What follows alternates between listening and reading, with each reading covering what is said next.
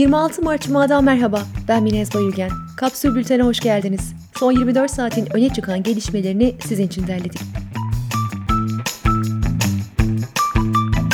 2 Mart'ta başlayan kontrollü normalleşme sürecinin ardından koronavirüs vaka sayısında artış yaşanıyor. Hekimlerin ortak görüşü birinci dalganın 3. pikinin yaşandığı yönünde. Bakanlık ve hekimler artışın nedeni olarak İngiltere kaynaklı varyantın etkisine vurgu yapıyor. Bu varyantın bulaşma hızının %40 ila 70 oranında daha yüksek olduğu biliniyor. Bakanlığa göre vaka artışı hastanelere aynı oranda yansımadı. Ancak hekimler aynı görüşte değil.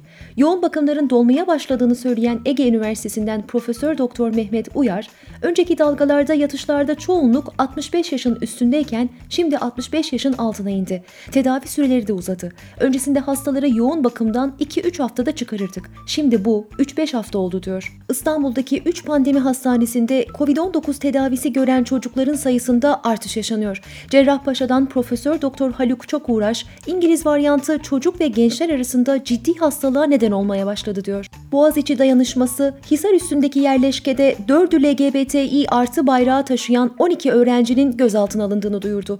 Protestolar sırasında polis öğrencilere fiziksel müdahalede bulundu. Öğrenciler gözaltına alınanlar serbest bırakılana kadar eylem yapma kararı aldı. Kocaeli'de eşcinsel olduğu gerekçesiyle işitme engelli Engin Elekçi'ye şiddet uygulayan Fırat Kaya gözaltına alındı. Kaya'nın cinsel istismar dahil 30 suç dosyası olduğu öğrenildi. Cumartesi anneleri 700. buluşmada polise mukavemet edildiği gerekçesiyle hakim karşısına çıktı. Mahkeme derhal beraat talebini reddetti. Bir sonraki duruşma 12 Temmuz'da. CHP İstanbul İl Başkanı Kaftancıoğlu, İstanbul Sözleşmesi dayanışma ağını kurduklarını ve ağın tüm kadınlara açık olduğunu duyurdu. Kaftancıoğlu'nun paylaştığı araştırmanın sonuçlarına göre kadınların en az %79.4'ü İstanbul Sözleşmesi'ni destekliyor. İzmir'de kahvehane işleten 59 yaşındaki Nuri Çengeloğlu dayanacak gücüm kalmadı notuyla intihar etti. İzmir Kahveciler Odası Çengeloğlu'nun ekonomik zorluklara dayanamadığını açıkladı.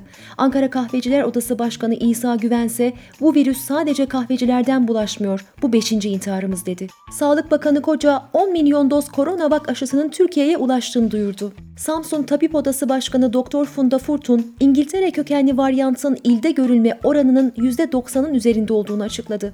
19 Mayıs Üniversitesi'nden Profesör Doktor Oğuz Uzun, genç hasta sayısı arttı, baş dövmesi, bilinç durumunda bozukluk ve baş ağrısı gibi farklı semptomlar görüyoruz dedi. Kırklareli Valisi Osman Bilgin, sosyal medya hesaplarında maskesiz ve sosyal mesafesiz görsel paylaşanlar hakkında işlem yapılacağını açıkladı. AB Liderler Zirvesi'nin taslak sonuç bildirisinde Türkiye demokrasisindeki gerileme ve artan insan hakları ihlallerini eleştiren ifadeler yer alıyor. Bildiride Türkiye'nin Doğu Akdeniz'deki sondaj faaliyetleri ve Kıbrıs sorununun çözümü konusunda tutunduğu yapıcı tutumdan memnuniyet duyulduğu aktarıldı.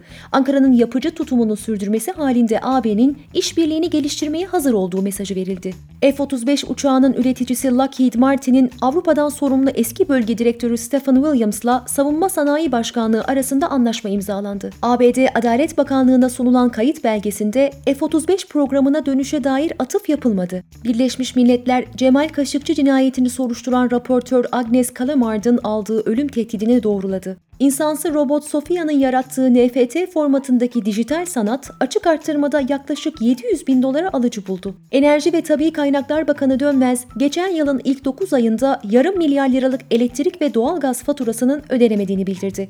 İBB'nin başlattığı askıda fatura uygulamasıyla 32 milyon liralık fatura ödendi, 74 bini daha sırada bekliyor. Ankara Büyükşehir Belediye Başkanı Yavaş, pandemi döneminde sosyal yardım alan 160 bin kişinin kartlarından en fazla çikolata harcaması yaptı yaptığını söyledi. Yürürlüğe giren otopark yönetmeliğine göre 20 ve üzeri araçlık otopark alanlarının %5'i elektrikli araçlara ayrılacak ve şarj ünitesi zorunlu olacak. Türkiye'de trafikteki elektrikli ve hibrit araç sayısı bir yılda %150 arttı. AYM'nin 3 Mart tarihli kararıyla emeklilik dilekçesi vermek için işten ayrılmayı zorunlu kılan hüküm iptal edildi. SGK'nın yeni genelgesi şöyle. 30 Eylül 2008 tarihinden önce emeklilik dilekçesi veren ancak çalıştığı tespit edilenler hakkında işlem yapılmayacak ve aylıkları ödenmeye devam edilecek. Kapsül'ün ev bültenlerine abone olmak için kapsül.com.tr'yi ziyaret edebilirsiniz. Hoşçakalın.